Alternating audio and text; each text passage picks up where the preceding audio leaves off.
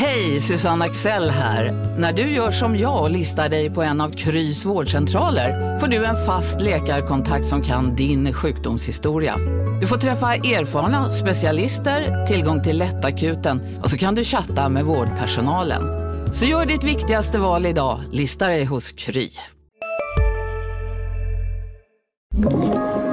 Podplay.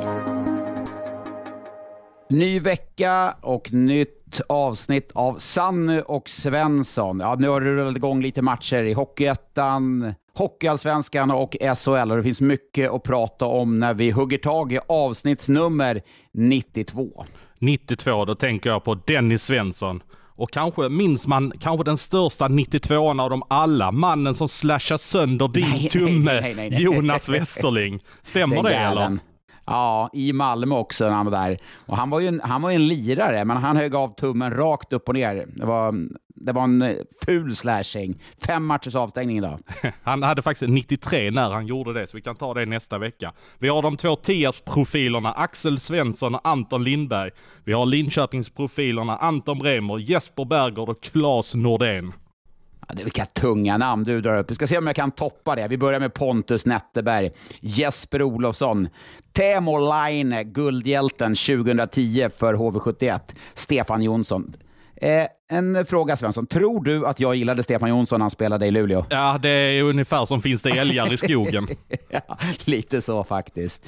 Mikael Nylander, Huddinge-fostrade Micke Nylander. Vi är så stolta över honom i Talangfabriken. Och såklart den bästa 92an av dem alla, Gabriel Landeskog. Here's Landeskog breaking in, scores! A beauty for Gabe Landeskog! Through the neutral zone with speed, through Susie and Brodeen, and to the back of the net on the backhand. What a spectacular rush! Headlong.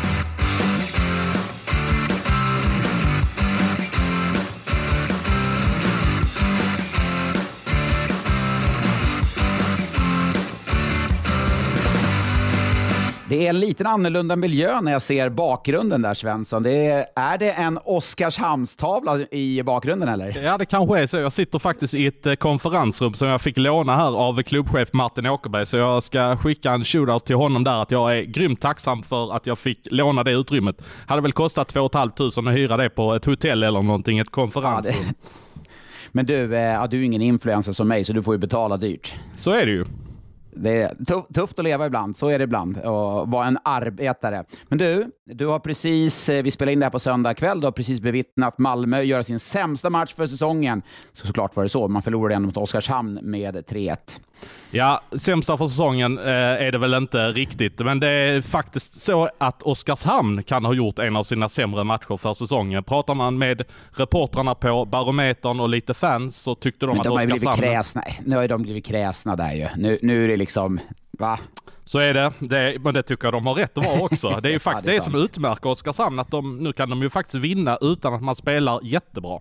Men du, hur bra är inte Fredrik Olofsson egentligen? Jag, jag satt och kollade matchen och bara liksom, han är, han är ju riktigt, riktigt bra. Man, man vet att han är bra, men om du säger att Oskarshamn gör en dålig match, han är ju aldrig dålig. Nej, och eh, frågan är om det kom- kommer verkställas den här övergången som förväntas ske efter säsongen till Rögle, om inte det blir Nej. NHL på honom. Jag, jag satt också och tänkte det eh, när, jag, när jag kollade matchen, att det är ju en supervärvning som Rögle då har gjort, även om den inte presenterad såklart. Så har ju du avslöjat den, du och Adam Johansson. Men det, det är NHL-material på honom. Det finns så mycket NHL-material på honom. Det är liksom en, påminner om en lite upphottad Joel Kjellman. Vad menar du med en upphottad Joel Kjellman? Men tänker du när Joel Kjellman lämnade Brynäs, då var han riktigt bra. Jag tycker att han är ännu lite vassare Olofsson. Lite smartare i sitt positionsspel, ligger rätt i banan, lite mer, lite mer min också streak. Alltså att han, kan, han är lite så här småful och grinig kan jag uppleva han i spelet ibland, i en positiv eh, bemärkelse. Kan det vara någonting som han har lärt sig när han har ändå fostrats i Nordamerika? Självklart. Det är klart att det är, det är en helt annan, när man eh, växer upp och spelar där borta, det är en helt annan konkurrens. Eh, Jag tror inte man i, pratar lika mycket om bredd som vi gör i Sverige där borta, det är jag helt övertygad om. Men det vi kan konstatera när vi har sett den här matchen är att Oskarshamn definitivt inte kommer att bli indragna i den här bottenstriden, om det nu var någon som överhuvudtaget Nej. oroade sig för det. Men Malmö är ju i allra högsta grad eh, indragna i det. Vilket för mig på tal. Du skrev en krönika under söndagen där du eh, ja, mer eller mindre, det är Joakim Fagervalls jobb står på spel. Eh, de kommande blir det åtta, åtta matcherna. matcherna. Ja, nu är det sju matcher kvar. Man har förlorat mot Oskarshamn. Man har Leksand på tisdag. Hur länge överlever han, tror du? Alltså, är det, är det redan nu att man kan känna, oh, är det, är det dags? Jag tror säkert det finns krafter inom föreningen som eh, hade varit beredda att göra det efter Timrå-matchen i stort sett. Eh, eh, men eh, tålamodet tryter säkert för varje match som går här nu och eh, det blir stressat i föreningen. Men jag vidhåller, i alla fall i dagsläget, sen så vet vi i den här branschen hur fort saker kan gå, att han får fram till OS-uppehållet, det är de här åtta matcherna. Man ser lite grann var Timrå tar vägen. Man ser lite grann var de andra där nere i botten tar vägen. Nu håller ju Linköping och Brynäs på väg att springa ifrån så att de inte är något bottenlag överhuvudtaget. Man ser var det tar vägen. Var står man Redhawks den 30 eh, januari när sista matchen spelas inför OS? Då kan ett beslut mm. komma. Men eh, om vi, vi ponerar att det skulle bli så, då skulle jag tippa på att från att det pressmeddelandet kommer till att han får ett samtal från KG Stoppel kan röra sig om ungefär fem minuter. Alltså Joakim Fagervall? Ja, det hade ju varit, alltså, nu ska vi inte gå händelserna i förväg, men det hade ju varit en perfekt trygg ledare att få in i Djurgården. Det hade ju varit som handen i handsken för dem. Även om, eh, alltså om Malmö nu bestämmer sig för att göra sig av med honom, om Malmö och Djurgården skulle det. möta sitt kval, det skulle ju vara Nej. högst intressant. Det är, det, är just den, den uh, lilla delikata uh, detaljen. Men ett lag som inte kommer, tror jag kommer få kvala uppåt är ju Södertälje i Hockeyallsvenskan. De har ju riskerar i allra högsta grad få kvala neråt. Men jag satt och kollade på den eh, samtidigt och eh, som eh, Oskarshamn, Malmö. Desto mer matchen gick, desto mer fästes mina, mina ögon på eh, Karlskoga mot Södertälje. Av den enkla anledningen att det är, kri, det är ju kris i Södertälje. Men jag gillar det jag såg. Vad var det du gillade då? Men det här är ju 1-0 målet, Emil Albas mål. Det är ju ett Södertälje-mål. Det är så de ska spela. Forecheck stenhårt, vinner kampen bakom mål, upp till back. Skott, vinner kampen in framför mål och trycker in, eller trycker in, det var ju snyggt mål då. Eh, trycker in pucken i nättaket. Och tight och stabilt defensiv. Tolle Pilo, jättebra, jättebra mellan stolparna. Lugn och trygg. Det var några gånger han flyttade målburen. Jag vet inte om de har problem med goalpegsen i Karlskoga, men han var riktigt vass. Jag gillade det jag såg och nu är det en centersida som den ser ju bra hockeyallsvensk eh, ut, alltså med hockeyallsvenska mått mätt. Ja, för där har ju Hugo Gustafsson och Daniel Ljungman från Linköping anslutit. Vad kan två sådana ungtuppar eh, tillföra Södertälje, eh, tror du? Massvis med energi. Alltså Hugo, Hugo är jättebra i Hockeyallsvenskan. Alltså det, det, det är ju liksom en superförstärkning med ett stort hjärta för klubben. Och Ljungman vart jag lite förvånad att han lånades ut. Nu är det ju kanske det bara var just för den här matchen. Men det betyder väl att Södertälje typ bränner sina lån också från SHL? Man har väl inte Ja, man eh, börjar ju med, eh, på tal om att bränna, så börjar man ju med eh, Brännstam från, från Djurgården och så har man då fyllt på med Ljungman och Hugo Gustafsson nu. Vilket då innebär att man har bränt sina lån på utespelarsidan. Men då, då kan ju inte det betyda att man bara får eh, Ljungman i en match. Då borde man ju finnas en framtid med honom, tänker jag. Ja, alltså, eller är det så att de har känt av att eh, vi kommer inte hitta någon annan SHL-spelare att låna in, så det är lika bra att vi har de här som reggade på oss och sen eh, får man helt enkelt ja. se var det tar vägen. De, jag vet inte riktigt, Ljungman är junior, men Hugo Gustafsson är ju inte junior längre, men om man får lov att ha dem lite flytande fram och tillbaka. Men alltså, Södertälje-supportrarna har inte varit mycket att vara stolta över den här säsongen, men när man såg laget eh, på söndagen så fanns det faktiskt eh, anledning att känna en viss stolthet för arbetsinsatsen. Är det en Stefan Gråns-effekt, eller? Alltså jag blir inte förvånad om det är det. Alltså för är det någonting Stefan Gråns står för så är det ju ett hårt jobb. Och när Stefan Gråns kom in som spelare i Västerås så var det ju det hårda arbetet och belastningen i laget som blev någonting helt annorlunda. Men det, det, var... det vände väl lite där då, eller hur? Ja, ja. Alltså så var det ju. Man, det, man såg på förhand att ja, men vi kickar ut Conny Strömberg och sen så kommer Stefan Gråns in. Det var ju inte en rak ersättare, men det blev en bra balans. Nu är det ju inte den balansen Stefan Gråns tillför nu, men det är ju det här jobbet som Stefan Gråns står för som har kanske kommit in i hela truppen. Man vet ju vad han, hur han var som spelare. Men alltså, absolut. Eh, men var det inte exakt det här som Micke Samuelsson, sportchefen, försökte implementera i Södertälje? En identitet med det hårda jobbet? Jo, men eh, det har ju varit så att Colin Smith och Tobias Lindberg kanske inte ja. riktigt har kuggat i det och de har försvunnit Pollock, längs vägen. Pollock också. Pollock också såklart. Ja, Pollock ville väl försvinna typ två månader innan han försvann där för ett par veckor sedan. Så att även om han var bäst i laget så tror jag inte det är någon nackdel. Men vad är nästa steg då? Eldebrink är ju inte den långsiktiga lösningen. lösningen. De har väl själva flaggat för att ta in en sportchef. Du eh, nämnde i podden tidigare Tom Ternström från Väsby var ett namn. Nu cirkulerar Georgsson från Västervik. Eh, också hans namn där. Vad, vad är nästa steg för dem? Tror säkert att de är väldigt intresserade av Georgsson. Uh, indikationerna jag har fått i alla fall kring Georgsson är inte att han är fullt lika intresserad av det.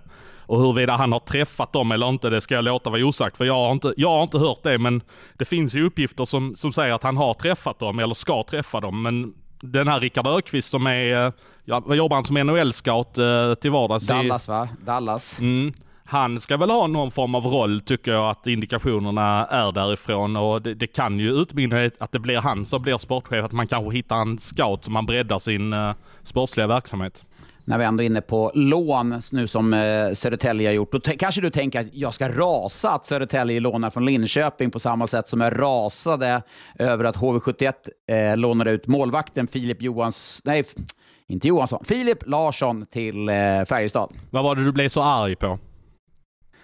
Nej, jag vet inte. Jag, när jag har landat lite så, så har ju flera eh, eh kollegor och så här, överdrev du inte lite där? Nej, men det, det, var en spontan reaktion. HV71 och Färjestad ska inte samarbeta. Alltså, och det jag reagerade på, Eh, missförstå mig rätt nu. Det som, jag, det som en av HVs stora problem var i fjol, det var den här eh, sjukdomsinsikten. Man pratade att tar vi oss bara till slutspel kan allt hända. Ungefär lite det. Nu har ju Johan Hult visat ändå en form av sjukdomsinsikt och han inser deras plats i näringskedjan, att de är i Hockeyallsvenskan. Och Stillman, Tommy Samuelsson, alla har ju pratat med en ödmjukhet ödmjukhet hur svårt det är i Hockeyallsvenskan. Så det köper jag rakt av. Men att man uttalar sig i form att det är en möjlighet för Filip Larsson att spela i Färjestad. En möjlighet att stå på bänken eller? Ja, nu var det väl kanske förhoppningen att han skulle spela då, men Färjestads match mot Örebro ställdes ju in. Eh, kanske att han skulle ha spelat den matchen, vad vet jag. Men med det sagt, Filip Larssons möjlighet i karriären, det är ju att spela i HV71. Det ska ju, alltså den jäkla stoltheten ska man ha, att vi i HV71, det är det finaste man kan göra. Visst, vi spelar Hockeyallsvenskan, men vi ska tillbaka. Och att då låna ut och säga att det är en möjlighet för Filip Larsson. Möjligheten Filip Larsson har fått, det är att stå i HV71 som är den finaste föreningen i hela Sverige om man då håller på HV71 och representerar HV71. Du som har varit i Färjestad, hur skulle du värdera HV71 som rival eh, jämfört med Djurgården och Frölunda till exempel? Jag skulle vilja säga att det, eh, när jag kom till Färjestad 2009 så var den största rivalen. Tveklöst var det så. Då hade de slagits i toppen många år, eh, mötts i någon final eh, något eh, år innan. Året innan jag kom så var det ju Färjestad som HV71 i finalen till exempel. Så det var den största rivalen. Jag vart ju eh, kallade kvartssamtal av supportrarna, vilket Perra Jonsson, tränaren, högg in i sista sekund. De ville prata med kaptenerna och jag var lagkapten, så jag, Jesper Mattsson och om det var Emil Kåberg eller Bastiansen skulle möta supportrarna. Men då tyckte Perra Jonsson att det var bättre att han tog det. Men det de ville låta oss eh, förstå, supportrarna, var att det är inte acceptabelt att förlora med 5-0 hem mot HV71. Liksom, gör vad fan ni vill, men man förlorar inte mot HV71. Och det kanske jag bär med mig lite präglad av det.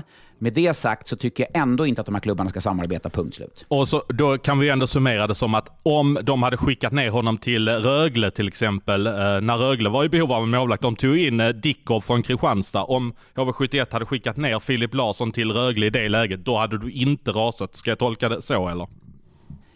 Ja, Ja, lite så hade du, lite. Det är just, det är just relationen Färjestad H71. Sen tycker jag inte att de behöver låna ut en målvakt till Rögle heller. Jag tycker inte det, för att det är, en, det är ändå ett risktagande att låna ut en målvakt. Eh, jag menar, vad hittar du en ersättare till Filip Larsson om han skulle bli skadad? Jag säger om. Han skulle, det är minimal risk. Men skulle han bli skadad på träning, då är det ju så här, fy fasen vad otur han var skadad på träning. Jag menar, skulle han sträcka sig i en tidlös förflyttning han spelar med Rögle, eller nu i det här fallet Färjestad, och så det skulle bli ett jävla liv herregud. Så att jag kanske eldade på, hällde bensin på en liten, någonting som låg och pyrde. Och jag förstår att det har retat upp väldigt mycket. Ja, det har retat upp folk, har jag förstått. Både i Färjestadsläget har jag fått till mig och i HV71. Ja, Johan Hult var väl lite syrlig i kommentarerna i lokalpressen kring det och eh, skickade väl någon passning till dig. Ja, absolut. Men, men jag, jag förstår ju honom och jag tycker ju att Johan Hult, jag är ju inte den som är, är under hashtaggen Hult out som jag har blivit intaggad i massa nu eh, i samband med att jag skrev den här krönikan. Eh, jag tycker att Johan Hult har gjort ett bra jobb i HV71 att bygga det här laget den här säsongen. Så jag är ju inte liksom på den sidan. Men vi ska också säga det att vi har ju försökt få med Johan Hult i podden. Det, vi har ju, både du och jag skickat sms, jag har skickat två sms till honom, tre till och med, eh, utan att eh, fått svar. Men, eh, och du har också skickat sms. Så vi, har, vi har försökt, han kanske dyker upp i någon annan podd, vad vet jag. Men inte i våran podd i alla fall.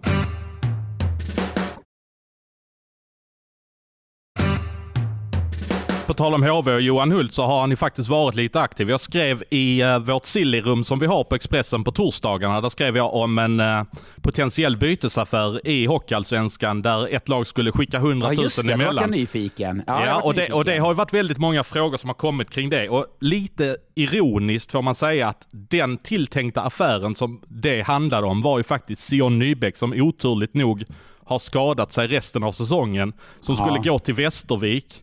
Och Oj. att HV71 skulle få Miles Powell i retur och så 100 000 till Västervik. Men Västervik sa nej till det budet och det kanske de är extremt tacksamma för nu. Ja, jo, ja, ja absolut. Eh, men... Eh, ja, oj, det har varit nästan lite tagen. Jag hävdar att Sion Nybäck gör, snittar en poäng per match om han skulle spela i Västervik. Det, det har jag hävdat alla dagar i veckan. Alla dagar i veckan. Eh, det finns en plats för honom i en av toppkedjorna i powerplay så, så garanterat en, snittar en poäng per match där. Ja. Vilket han visade typ i Almtuna i fjol redan. Ja, men då hade han ju varit en rak ersättare för Miles Powell som också i stort sett snittar en poäng per match, kanske lite mindre. Ja, men det är, ju, det är tydligt att de är, eh, försöker göra någon förändring i HV71. Då. Det jag tycker, om vi bara stannar kvar vid HV71, är just spelet. Jag tycker att det blir lite trögt ibland. Det har jag upplevt under en längre tid. Jag vidhåller fortfarande att HVs bredd, det är det som kommer att avgöra till deras fördel. Sju matcher i en kvartsfinal, sju matcher i en semifinal, jag menar sju matcher i en final eh, om det går den vägen för dem, vilket de såklart hoppas på, så tror jag de får svårt. Lag kommer få svårt att matcha deras bredd. De kommer ha 14, 15, 16 forwards, 8, 9 backar liksom. Eh, och förutsatt att Filip Larsson inte blir skadad så har i alla fall två målvakter. Vi har pratat alldeles för lite om BIK Karlskoga som en riktig utmanare till HV71. Jag har faktiskt fått lite påbackning från Karlskoga-håll. Mm. Varför nämner ni inte Karlskoga? Och det får väl ta till oss att vi kanske har varit lite för dåliga på att nämna Karlskoga som en riktig potentiell utmanare. För det man, när man ser Karlskoga spela, nu förlorade de här mot Södertälje som, som slogs och stred för varenda poäng de kunde. Men Absolut. sett här över säsongen så känns det som att det finns så mycket potential i Karlskoga som vi inte riktigt har sett och ändå är de med så långt fram i toppstriden. Men tänk, tänk bara säsongen i fjol då, då eh, när man eh, gick in i eh, eh sjunde matchen mot eh, Björklöven, skadorna man hade på Ros till exempel, det var, Tim Juel var skadad, det var ju liksom, de hade kunnat slagit ut Björklöven och mött Timrå i en final och ställt till det för dem också. Jag, jag trodde inför säsongen att de hade ett sämre lag eftersom jag tank, tanke på att tapp, tappa Gustav Torell och, och och Ros och Juel och några spelare där. Då. Men fan, de, de, de, är på riktigt i år igen. Det är imponerande. Gjorde du misstaget att tippa dem utanför topp fem i år igen, eller? Ja, jag tror, jag, hade, jag tror till och med att jag... Eh, nej, det gjorde jag nog inte. Fyra, eh, fyra, ja, men femma tror jag att jag hade i alla fall. Men det, det, tro, det, tro, det vill jag tro att jag hade. Jag hade i alla fall Västerås, Björklöven, Modo hade jag såklart inte där uppe. Men de måste jag ha haft där uppe. Det, det hade jag ändå.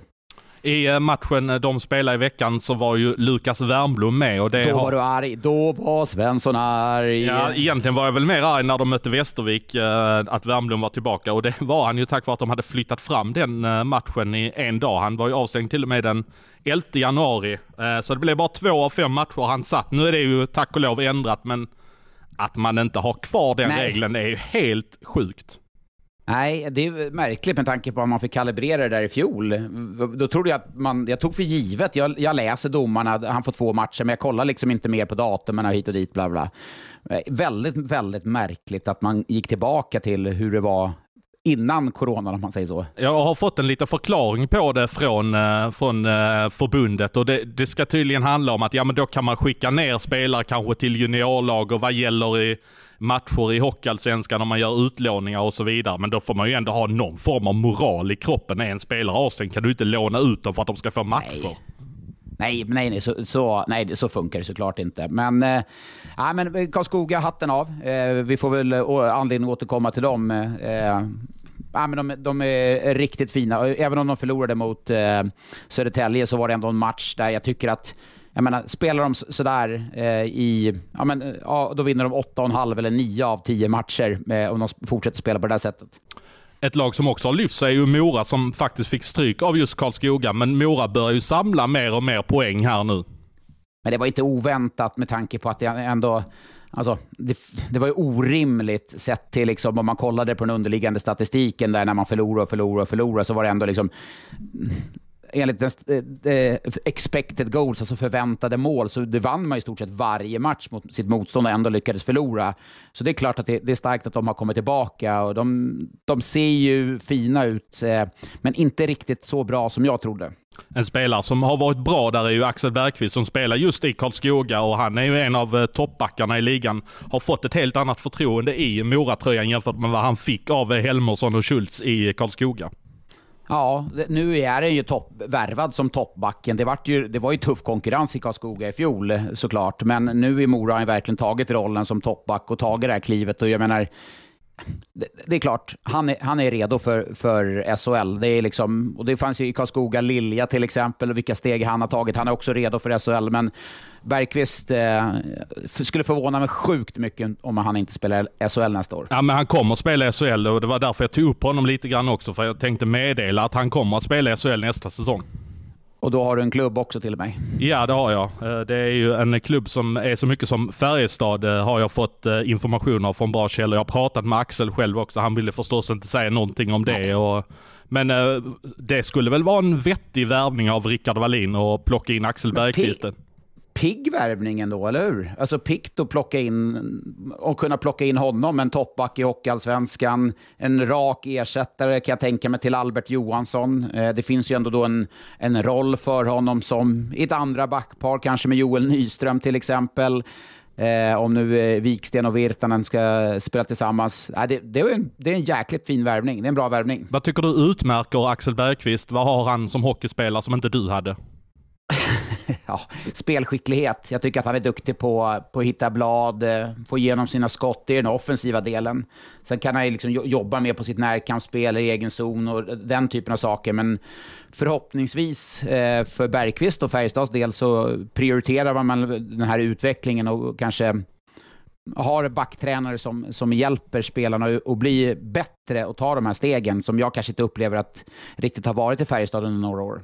Blev du förvånad när jag skrev i tisdags eftermiddag i vår interna kommunikationssystem på Expressen att eh, jag har en nyhet att Jörgen Jönsson ska ta över Växjö? Jag hade, kan jag säga, chock är ju ett eh, eh, väldigt eh, starkt ord, men jag hade räknat in Jörgen Jönsson i Färjestad med tanke på det Jörgen Jönsson pratade i, i Adam Johanssons podd. Eh, eh, liksom, det, var en, det kändes ju som en jäkla flört med Färjestad. Rickard Wallins svar, hur mycket han har uppskattat Jörgen. Det kändes ju som att det här är match made in heaven. Rickard Wallin vill få tillbaka det Färjestadsandan och det står Jörgen för. Så jag hade nästan jag kan säga att jag hade bockat in den eh, som ny tränare i Färjestad. Från trogna lyssnaren Hanna Rydahl har vi fått en fråga. Varför tror ni att Jörgen Jönsson landar i Växjö och inte Färjestad? Jag tror, alltså det här är min högst personliga tanke, att han kung som spelare. Tröjan hänger i taket, en av de bästa genom tiderna i elitserien och SHLs historia. Men han misslyckades som sportchef. Han lämnade tidigt eh, under former där han liksom var utbränd och kände inget stöd. Och det var liksom ett ett rätt, det var rätt infekterat, det var ett öppet sår. Eh, och väljer då första gången att ta ett headcoach-jobb. Det kanske blir en lugnare miljö för honom personligen, även om kravställningen är minst lika hög, kanske till och med ännu högre i Växjö än vad den är i Färjestad. Men just miljön, att liksom, misslyckas han så är det liksom inte hela världen. Men skulle han göra det i Färjestad så kanske lite av hans legacy som spelare kan försvinna. Jag funderar också på det, på tal om Jörgen i Växjö. Niklas Ram sitter på avtal, Fredrik Hellgren har en tills vidareanställning. Tror du att någon av dem kommer följa med Sam Hallam till eh, Tre Kronor? Mm. Nej, nej, det tror jag inte. Jag tror att Sam Hallam kommer prioritera lite NHL-rutin. Alltså några som man kan samarbeta med, men som har varit i NHL och verkat där för att ha den liksom, ingången och förståelse kring NHL-spelarna. Ja, det, det, tror jag personligen. Så att, det känns som att de kommer bli kvar då med Jörgen. Jörgen känner ju Hellgren sedan tidigare och har jobbat tillsammans, så det, det skulle väl funka kanon. Ja, det blir egentligen bara ett byte rakt av på Sam och Jörgen och så fortsätter Hellgren och eh, ja. Ram i sina roller. Ja, och är trygga. Nu tror jag inte att Ram, Ram tidigare hade ju väldigt tydliga ambitioner att vara headcoach, men jag tror att de, eh, med tanke på det som hände HV71, att han fick lämna där, jag tror han är nöjd och var en jäkligt bra assisterande tränare. På tal om Växjö så har vi fått en fråga från Tobbe Johansson. Diskutera gärna eh, lite kring läget i Växjö. Hur tror ni gruppen påverkas av att man redan nu vet att Sam Hallam ska lämna? Kommer man ihop som grupp mer eller påverkar det positivt eller kommer det påverka spelarna negativt? Det kommer inte påverka dem negativt, absolut inte. Vi var i en eh, liknande situation i Färjestad 2011. Tommy Samuelsson deklarerade tidigt för gruppen innan det kom ut i media att han skulle lämna. Han tror han gick till Wien eller någonting i Österrike. Och det var liksom, en del spelare tyckte det var ganska skönt. Oh, skönt, slipper man honom. Medan vi, många andra tyckte att jäklar, det var tråkigt. Eh, men vi spelade ju för Tommy, eh, vi spelade för varandra och slöt oss samman som grupp. Det tror jag man gör i Växjö också. Och det handlar om att grund och botten, alla vill vinna. Jag menar, alltså, det spelar ingen roll vilken tränare du spelar för. De är topplag, de kommer chansen att gå långt. De spelar ju för sin egen karriär och får chansen att vinna. Så att jag tror inte det kommer påverka negativt Överhuvudtaget. Absolut inte. Och det finns ju ändå en stolthet i varje ledare och varje spelare. Det är bara att kolla på en sån som Brian Cooper i Oskarshamn. Jag tycker han är sjukt Kung. bra trots, trots, trots att han kommer gå till uh, Växjö. Ja, men det, det för ju mig in på ändå en rätt eh, liksom, stabil eh, centrallinje man får där med Cooper, Eh, Persson som har förlängt. Grattis Växjö eh, eh, att han förlänger. Och så har du Arvid Lundberg där till exempel. Och så centrallinjen, du kommer ha Kjellman, du har Rosén. Det ser rätt trevligt ut. Eh, Glenn Gustafsson är kvar. Eh, ja, Växjö, han får ett bra lag att jobba med, Jörgen. Det är väl egentligen Pontus Holmberg som kommer att vara det stora tappet där. Så är det ju, men det är ju egentligen, det blir ju Kjellman som ersätter honom rakt av. Och så har du Josefsson. Så... Har du också valt att bli egen? Då är det viktigt att skaffa en bra företagsförsäkring. Hos oss är alla småföretag stora och inga frågor för små. Swedeas företagsförsäkring är anpassad för mindre företag och täcker även sånt som din hemförsäkring inte täcker. Gå in på swedea.se företag och jämför själv. Hej, Synoptik här. Hos oss får du hjälp med att ta hand om din ögonhälsa. Vår synundersökning kan vi upptäcka både synförändringar och tecken på vanliga ögonsjukdomar. Boka tid på synoptik.se. Kanske du jobbar in en, en blivande Pontus Holmberg som eh, en tredje center. Vad finns det för eh, centerfynd i Hockeyettan då? ja, Vad har Vimmerby? Eh, Ja, vi får, vi får kolla, kolla igenom Vimmerby och återkomma där vad de, hur, hur de skulle kunna fynda där. Men du, en fråga från eh, Alexander Lok. Eh, han provar igen. Eh, det känns ju mer och mer aktuellt nu. Kalnins, han, han, är ju cementerad på bänken. Adam Åman gör det jättebra mellan stolparna. Även om han släppte en billig mot Linköping så har han varit skitbra, rent ut sagt. Är det ens hållbart, frågar då Alexander, att behålla Kalnins eller ska man gå och försöka hitta en ny keeper? Jag var ju rätt säker där ett tag på att Kalnins skulle typ gå till Dynamo Riga eller någonting i den stilen där, så länge KHLs fönster hade öppet. Men nu är det ju stängt så han kan ju inte försvinna dit. Det skulle vara om han försvinner typ till Finland eller uh, Tyskland uh, skulle jag säga. Annars så kommer det säkert bli svårt att bli av med Kalnins och du måste ju ändå ha någonting ganska rutinerat känns det som. Ja. Åman, uh, inte bara Åman och en junior där bakom så att säga. Men Växjö har ju ett stabilt försvar. De ger ju målvakterna förutsättningar att vara bra. Sen är det kul för Åman som ändå var han var ju bra i Oskarshamn för ett gäng år sedan, skulle till HV, fick operera sig. Han har liksom fått studsa tillbaka i Hockeyallsvenskan och kul för honom att få ett erkännande som en riktigt vass keeper. Och det måste väl ändå vara ett av de mest prisvärda kontrakten i hela ligan? Ja, så är det ju. Alltså, eh, definitivt. Han och Stål Lyrenäs skulle man väl kunna säga. Stål, ja, ja, men det är bra. Bra kontrakt och det är bra klubbar som, eh, därför kanske man ligger högt upp och man har bra bang for the buck som det heter. Du, den här veckan har du varit lite smågrinig känns det som. Eh, Är det på grund av de nya restriktionerna eller vad är det som gör att du har varit lite smågrinig? Ja, men jag, man är ju less på den här skiten. Spelschemat, jag, eh, alltså missförstå mig rätt. Jag blir misstänksam så fort ett lag ställer in en match. Och det här får man inte säga. Men Örebro ställde in en match. De kanske hade jättemånga sjuka, jag har ingen aning. Men det sammanföljer med att man hade två backskador också. Och man har ju redan problem på en backsida. Observera, jag säger inte att det är så, men man blir ju misstänksam hela tiden mot det här. Och det här spelschemat, det kommer bli ett helvete likt det var i fjol. Nu är vi inne där eh, som det var, fast nästan värre än vad det var i fjol med tanke på OS som kommer upp också. Det gör att jag blir jävligt less, plus restriktionerna också. Ja, och restriktionerna kommer ju börja gälla här i veckan. Det är väl tisdagsmatcherna som, eh, som sista dagen och sen så blir det 500 på läktaren och så får vi se hur länge det, det håller i. patetiskt. Det är tö- alltså, Karlstad innebandy, de kan ha 500 pers på, sin, på sina matcher förutsatt att de kan sitta med en meters mellanrum. I den lilla gympasalen tror jag de klämde in 340 pers. Så då, eh, jag bor i Karlstad, så har man Löfbergs arenan ett par kilometer därifrån som tar 8500 eller vad nu tar. Där får du klämma in, eller klämma, där kan du lufta in 500 pers. Det är, Ja. det är så idiotiskt att jag tappar hakan. Ja, ja vi, verkligen, verkligen. Och kollar man till exempel, kolla stämningen som var i Luleå i lördags och hur bra de satt där. Det var avstånd, det var att man satt två och två eller fyra och fyra eller åtta och åtta och så var det en bra stämning. Då, då tycker jag ändå att idrotten, ja men nu, vi, vi är med tar på detta. ansvar. Vi är med på Vi detta. tar ju för fan ansvar. Ja. Vi tar ju ansvaret. Ja. Utifrån de förutsättningarna. Nej, jag tycker att vi, de slår undan benen på, på idrotten, kultur, och restauranger och allting hela, hela tiden. blir Och det, och det som stör mig är att det inte finns några konkreta belägg för att det, in, för att det har varit ökad smittspridning på idrottsevenemang. Det finns ingen Nej. enda konkret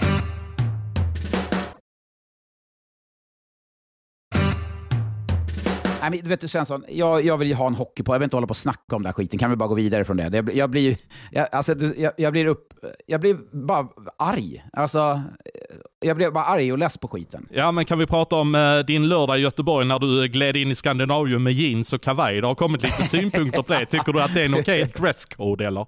Ja, men det, nu, men det syns ju inte i tv. Jag har, jag sitter man i studion då måste man ju ha vad heter det, kostymbyxor. Jag var ju i Göteborg förra lördagen och jag frös så in i bänken. Jag hade långkalsonger och mina finbyxor, kostymbyxor. Nu tänkte jag, nu tar jag långkalsonger och jeans. Det, är i alla fall, det blir lite varmare. Vet du vad, det, vet Men- vad det får mig att tänka på? Det var när Roger Öhman var ungdomsledare i Malmö Redhawks och han var i Göteborg för det var den här Scandinavium Cup och detta var samtidigt som eh, Färjestad mötte Frölunda på eh, Ullevi. Och då, Ja, då fick ju Öhman en biljett till den där matchen. Och så kom han sen dagen efter, jag var också på den här Scandinavium Cup, det är en U16-turnering. Då sa han, satan vad jag frös. Jag, jag gick på matchen, jag hade bara ett par tunna kostymbyxor som jag satt på på läktaren där. Ja, och det var kallt den dagen jag spelade i den matchen. Det var, jag förstod att det, det, då frös han Öhman. Och så, det, så, så som Öhman kände sig, så kände jag mig förra lördagen. Därför drog jag på mig ett par jeans. Men, eh, nej, men eh, det var, en, det var en rolig match. Eh, Rögle, nio juniorer. Jag vet inte, vi har fått fråga huruvida det är rekord eller inte. Jag, jag har inte kollat upp Ja, men det är det att inte. Modo har ju spelat med 12-13 stycken. Ja, det är klart. Modo ska väl alltid dra upp jävla Modo. Det var säkert 2007 när de vann där. eh, Åkte 12 juniorer runt och 8 runt mig. Ja, det var lite bättre. Det var lite bättre spelare. Det var, eh, kan det vara eh, en med 24 på ryggen, en med 19 på ryggen, en med 21 på ryggen. Ja. Det var på den ja, tiden. precis. Ja, Timander också, Hasse Jonsson. Ja, men det är sant. Men eh, i alla fall, Frölunda, grymt viktig seger för dem. Just mentalt och kunna visa att man kan slå Rögle. Jag tror inte det, de skiter fullständigt i huruvida Rögle hade nio juniorer eller ej i laguppställningen. De vann över Rögle. Det är det de tar med sig. För att jag menar, de har gjort bra matcher mot Rögle den här säsongen. Eh, men likväl förlora. Och det bör, sätt, sättet matchen börjar. Frölunda dominans, dominans, dominans. Rögle, en felpass från, eh, eller från eh, Filip Johansson till Jens Olsson och 1-0 eh, Everberg. Och då, jag bara kollade in i Frölunda-båset. Herregud vad less de var alltså. Eh, Jag har noterat lite grann när jag kollat på Frölunda att det kommer ett misstag nästan varje match från de backarna du nämner och så plus Stefan Elliot. Elliot. Ja, du kan, nästan ett, ett misstag per match kan du nästan eh, räkna in där. Eh, Hur mycket kan man göra åt det som i Roger Rönnbergs läge? Alltså det känns ju nästan som han, han räknar med att det ska ske. Nu är vi liksom framme vid omgång 34 eller vad det är. Men alltså, Frölunda vill ju vara kreativa och spela ut pucken i egen zon. Då kan det ju ske misstag. Men det som var just kring den här matchen, då hade man ju väl, pratat väldigt mycket om marginaler i spelet med puck. Att man nästan skulle spela som att man ledde matchen med 2-0 när den började. Just spela med marginaler, spela på ledning, spela av tiden lite så. Eh, och så får man den där starten. Men starkt av dem att vinna. Rögle däremot, jag menar Bengtsson skadad, eh, Edström skadad. Du har eh, Ted Brithén som missade matchen, eh, Jellina Sund avstängd, men också fick man Ludvig Larsson skadad. Jag, jag har ingen aning om omfattningen, jag har inte läst någonting om det, men jag stod ett par meter därifrån.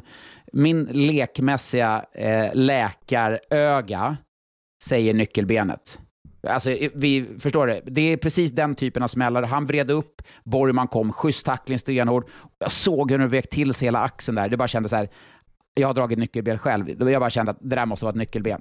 Okej, och vad, vad har man för frånvaro om ett nyckelben ryker? Men då, då kan det vara en och en halv, en och en halv två månader liksom. Jag, alltså, han, as far as we know så kan han spela ikväll, när, måndag kväll. Då. Det vet vi inte ännu. Men det, det, såg otäckt ut, såg oroväckande ut, vilket för mig in på att Rögle såklart måste sondera eh, marknaden. Kändes det som att Elvenäs, Ludvig, skulle gå dit. Helt plötsligt blev han upplockad av Anaheim. Det händer ju inte. Lukas Elvenäs, du blandar ihop Lukas, dem. Nej, förlåt, Lukas Elvenäs. Det hade varit kul om Ludvig Elvenäs blev upplockad. Det hade varit ja. Men alltså det händer ju aldrig att man blir upplockad på... Alltså, har du varit med om det någon gång tidigare? Nej, nej nej, jag började tänka efter. Jag, jag, man följer ju ändå de där när de kommer ut och så, ja, Pontus Åberg, det är bara några timmar och så blir han klar där och så är det, det spelarna, när de liksom, med, för att bryta kontraktet är det väldigt sällan och typ aldrig som det händer.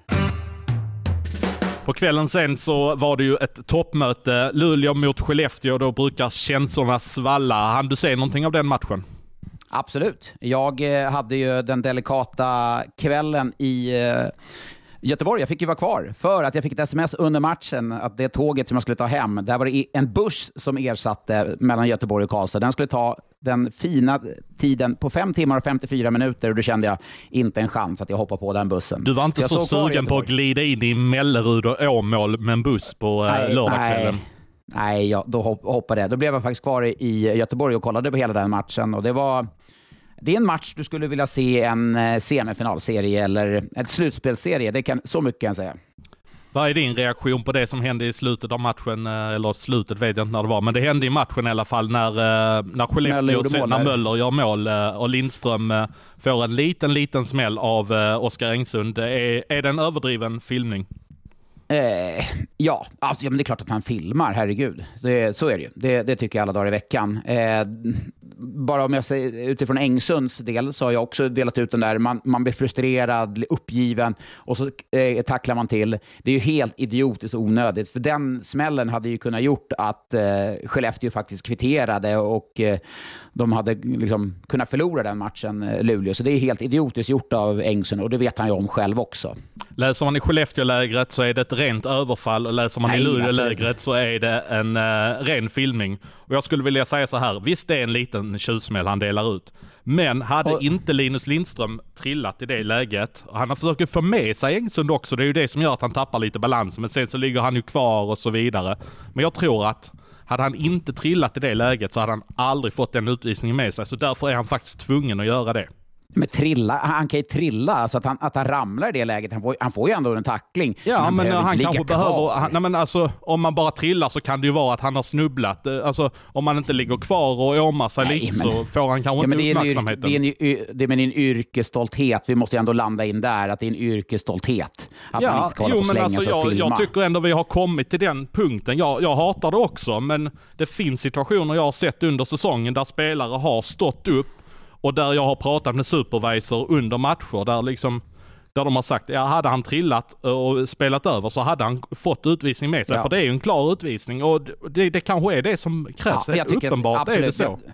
Ja, men jag tycker det handlar om en yrkesstolthet. Eh, alltså, och då, då, kan vi alla åka runt och filma för att, för att göra domarna Jo, men det, är ju, det blir det alltså, ju, om du åker runt och filmar. sker ju nej, hela tiden. Det är ju inte så att han blir fälld uh, för att jag menar, filmar du så får du 5000 i böter. Det är ju inte det han har blivit fälld för. Nej, han, han förstärker, han förstärker ju. Liksom. Ja, och, och, och, och, det, och, om det uppenbarligen behövs. han förstärker. Ja, men det, ja, men det behövs ju. Det behövs ju. Han nej, filmar ja, inte. Absolut, ja. Nej, ja, men jag, jag tycker att det är en yrkesstolthet, det ska man inte göra. Men skit i det.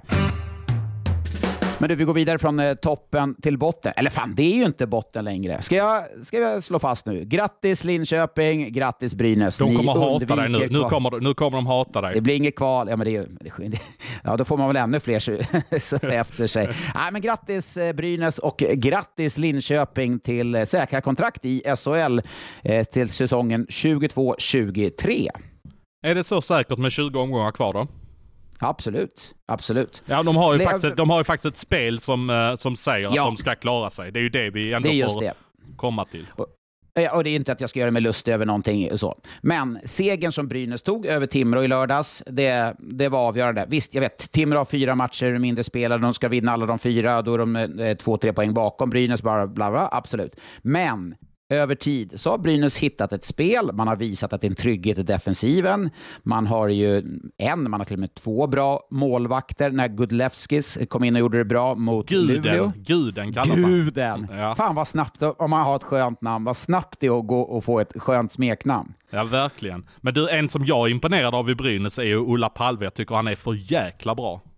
Ja, han är bra. Han är faktiskt jäkligt bra. Och det såg man också när de mötte eh, Färjestad i tisdags, när Palve inte var med, hur mycket man saknade honom. Hur mycket, alltså, de satte in Sallinen på hans plats och, och i powerplay. Liksom, det, är, det är en helt annan slagstyrka. Och han är ju där man trodde han skulle vara när Linköping värvade honom i fjol. Men du, nu när Oskarshamn vinner trots att de spelar dåligt. Eh, nu kom det en fråga från Johan Joja. Är Brynäs det nya Oskarshamn? Vi gör en dålig match idag, har det låtit på sistone när lag förlorat mot Brynäs. Jag älskar det. Fan vad snabbare är att plocka. Äh, det, det var bra uppfattat där Johan Joja. Det var jäkligt bra. Eh, för det var ju Luleå, de var ju, gjorde en jättedålig match och bla bla bla. Så. Men det som, det som är, lag har haft problem med, det är just Lu, eh, Brynäs styrspel och spelas igenom det. Men det vi ska också göra klart, väldigt tydligt här, Brynäs går ju också och sätter press. De liksom, det är lite mer dynamiskt spel. Det är inte bara att man backar hem. Visst, man backar hem och, och styr av, men man sätter ju fortfarande press och gör det där. Jag tycker man har hittat en helt annan balans i det och framförallt i defensiven, de är mycket aggressivare. Så att det är lätt att vi bara säger, jo men de styr och det är rätt tråkigt. Ja, absolut. Men de är mer dynamiska, kan växla spelet, vilket en del som jag uppskattar. Vet du vad jag tänkte på i veckan när jag såg eh, Brynäs eh, möta Färjestad borta? Då kom det ju på tal någon gång där under sändningen att Mikko Manner ska ju leda laget under OS. Och Brynäs assisterande tränare som också är finländare kommer att leda laget under OS. Och då slog det mig, vad fan är det han heter? Vad heter han? jag, kom, jag, jag, vill, jag, jag vill inte att du skulle ställa den frågan till mig. Alltså, jag, jag, jag, vad är han heter? Nej, alltså helt ärligt, är det Pajaloma eller något sånt är det va? Paja, någonting, någonting.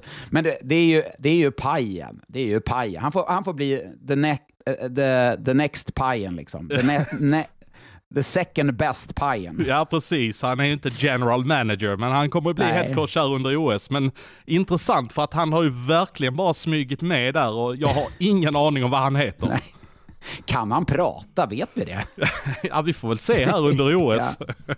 Ja, det är intressant. Men du, vi fick en från eh, Mo- Modopöjken här också. Vad säger ni om möjligheten att, att lyckas locka tillbaka Emil Molin till Modo, där han gjorde succé tidigare? Då ska vi säga att Emil Molin, han var eh, åsidosatt mot Luleå i torsdags. Han var svag mot Färjestad, spelade väldigt eh, lite i tisdags. Gjorde visserligen mål, tror jag det var, mot eh, Timrå i lördags. Men skulle det kunna vara ett steg för Molin att gå tillbaka till Modo? Alltså Modo får man säga att de bygger onekligen någonting intressant. Man har tagit in Manberg på ett långtidskontrakt och Ingman på ett långtidskontrakt och man förlängde med Sam Vignor eh, under säsongen. För övrigt kunde man räkna ut på boten där att eh, han har fått 50% ökning på lönen redan den här säsongen eh, för att han förlängde över nästa säsong. Eh, men de bygger ju någonting långsiktigt där i Modo. Tex Williamson ska säkert vara där över tid. Pontus Nässén har inte bråttom någonstans. Så att det är ju onekligen så att eh, de, de ser ju inte bara här och nu. Men du, en sak som jag noterade. Jag ska ju sätta dig lite på prov i, i tävling sen, men nu får du en fråga redan nu. Vem leder skytteligan i Hockeyallsvenskan? Det gör eh, Mikael Ågård. Är det inte, ja, precis. Och är det inte väldigt lite snack? En spelare som leder skytteligan i Hockeyallsvenskan, det är mycket bass kring honom. Han, vilket lag ska plocka honom? Oj, han har intresse från dem och de lagen. Men det är väl jäkligt tyst kring Ågård? Ja, det är det. Liksom, men är han SHL-mässig då? Alltså, jag ställde den frågan till Adam Johansson, vår kollega som bor i Örnsköldsvik och har järnkoll på Modo och han, det kändes ju inte som att han hoppade jämfota när han fick den Nej. frågan och var helt säker på saken. Han sa att han är rätt anonym i matcherna men han är bra runt kassen och sådär och kanske skulle kunna se honom i en tredje lina eller ett PP2 i ett SHL-lag. Ja, det, precis. Alltså, jag, jag vet inte riktigt var jag skulle kunna placera honom. Visst, det skulle kunna vara en sån här Oskarshamnsvärvning som man gör och kommer in och gör det svinbra där. Men det är ju det är inte den här som är bara en given succé nu, nu från Hockeyallsvenskan. Nu pratar du ner Oskarshamn igen alltså. Jag pratar ju upp Nej det gör du inte för att det är bara, du chans- slänger iväg lite slentrianmässigt. Ja det är en sån där Oskarshamn, det är väl de som får ta det, ingen annan är, av de Ja, stora gör nu, bara för att du sitter på och får ett gratis kontor där i Oskarshamn, ska du, nu, nu står det säkert någon bakom och lyssnar när du surrar där. Men det jag menar är att Oskarshamn får ju möjlighet att värva skytteligaledaren från Hockeyallsvenskan. Det trodde man inte för några år sedan, va? Nej så är det. Ju. Nej. Men du, eh, The Best Pajen då i Linköping, han förlängde sitt kontrakt. Eh, och det, där har det ju ryktats lite om Georgsson och då har vi fått lite frågor från eh, eh, Henrik eh, Karlsson och Justus Ekström från frågor om Emil Georgsson, att han ryktas vara på gång in till LOC för att hjälpa och stötta upp Pajen. Tror du att det är en lösning att man breddar eh, eh sig, alltså ledarteamet eller GM-teamet i Linköping? Alltså jag kan ju tänka mig att, att ska Georgsson in i LHC så vill han ju säkert ha någon form av garanti att han ska få inflytande över A-laget och sen så får Pajen kanske vara en sån som verkligen är en general manager över hela organisationen och att eh, okej Pajen kanske har sista ordet men Georgssons ord ska väga extremt tungt. Att det är en sån roll för jag tror inte att han bara vill vara en springpojke som eh, springer runt och scoutar till Pajen och sen så är det Pajens beslut som gäller i alla lägen.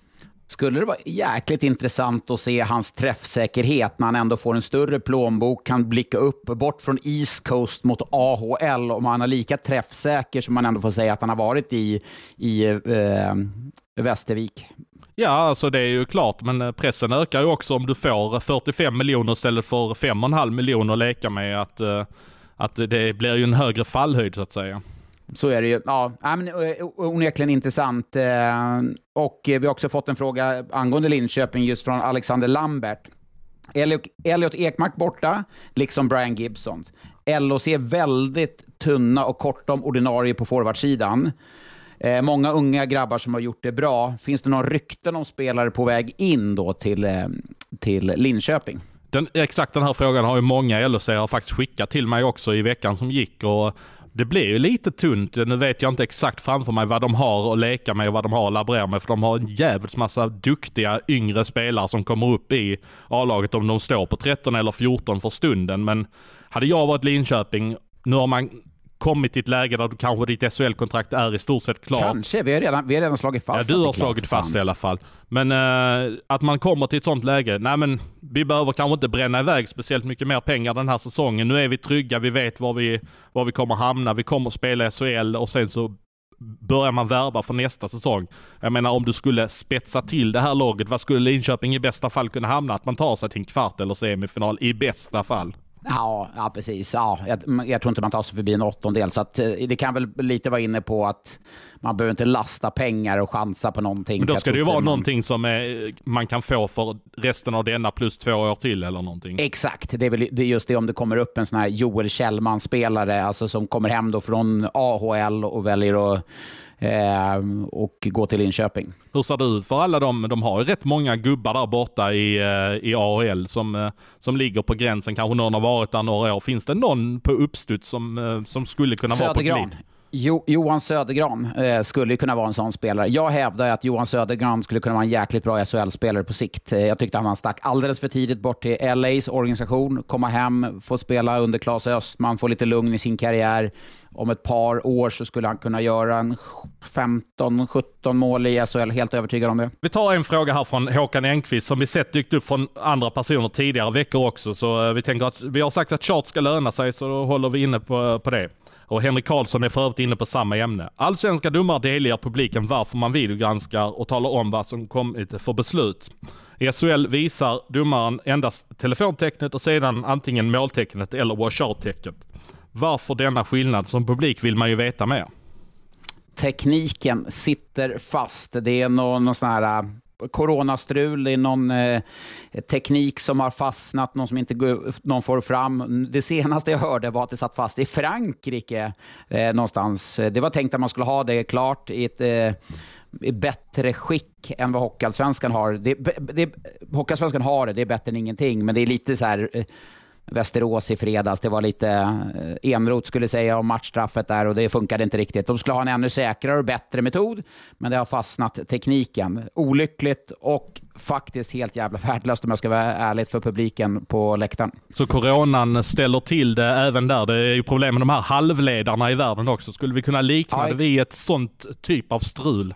Exakt. Det är, corona ställer till det väldigt mycket. SHLs liksom... halvledarstrul skulle man kunna säga Nej. då.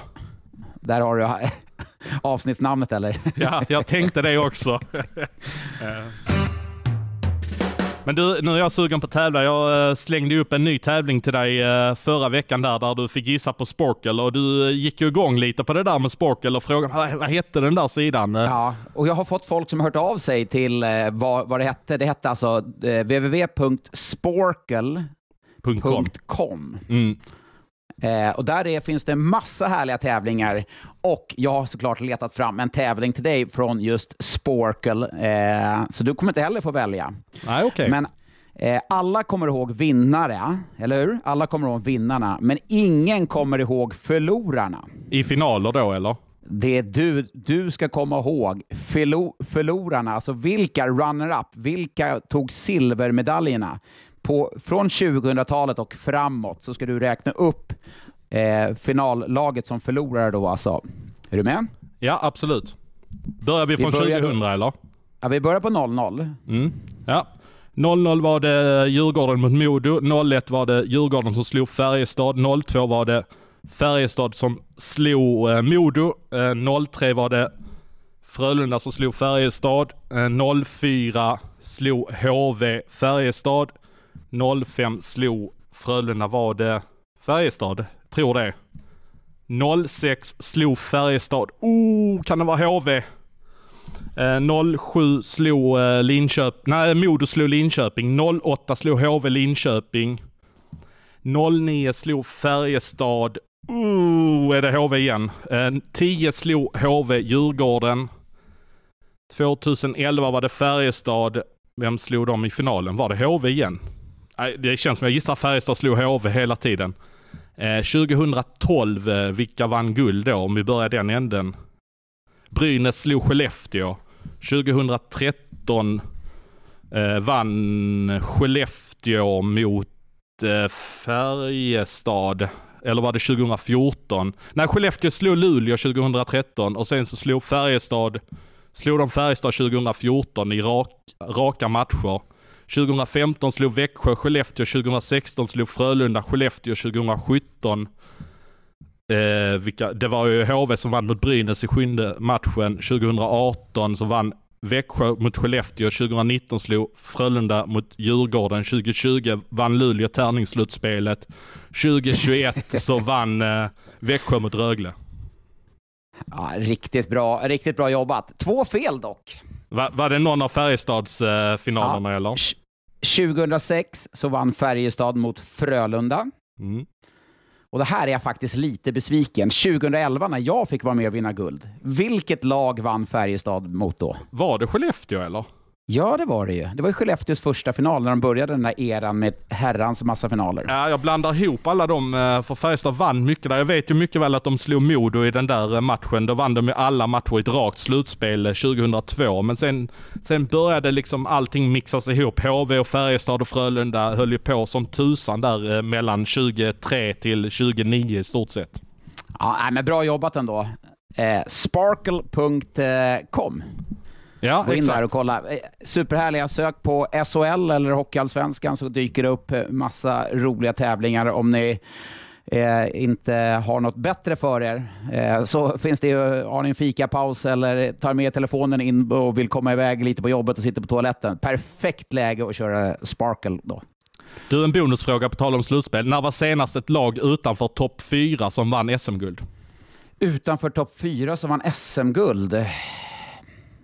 Nej, den har jag inte på HV då, 95. 8 var ett de slutade. Brynäs det- det måste ha varit- 99 blev femma. Bra. Brynäs 99. Ja. ja, vi får avsluta med det. Brynäs, Linköping, grattis!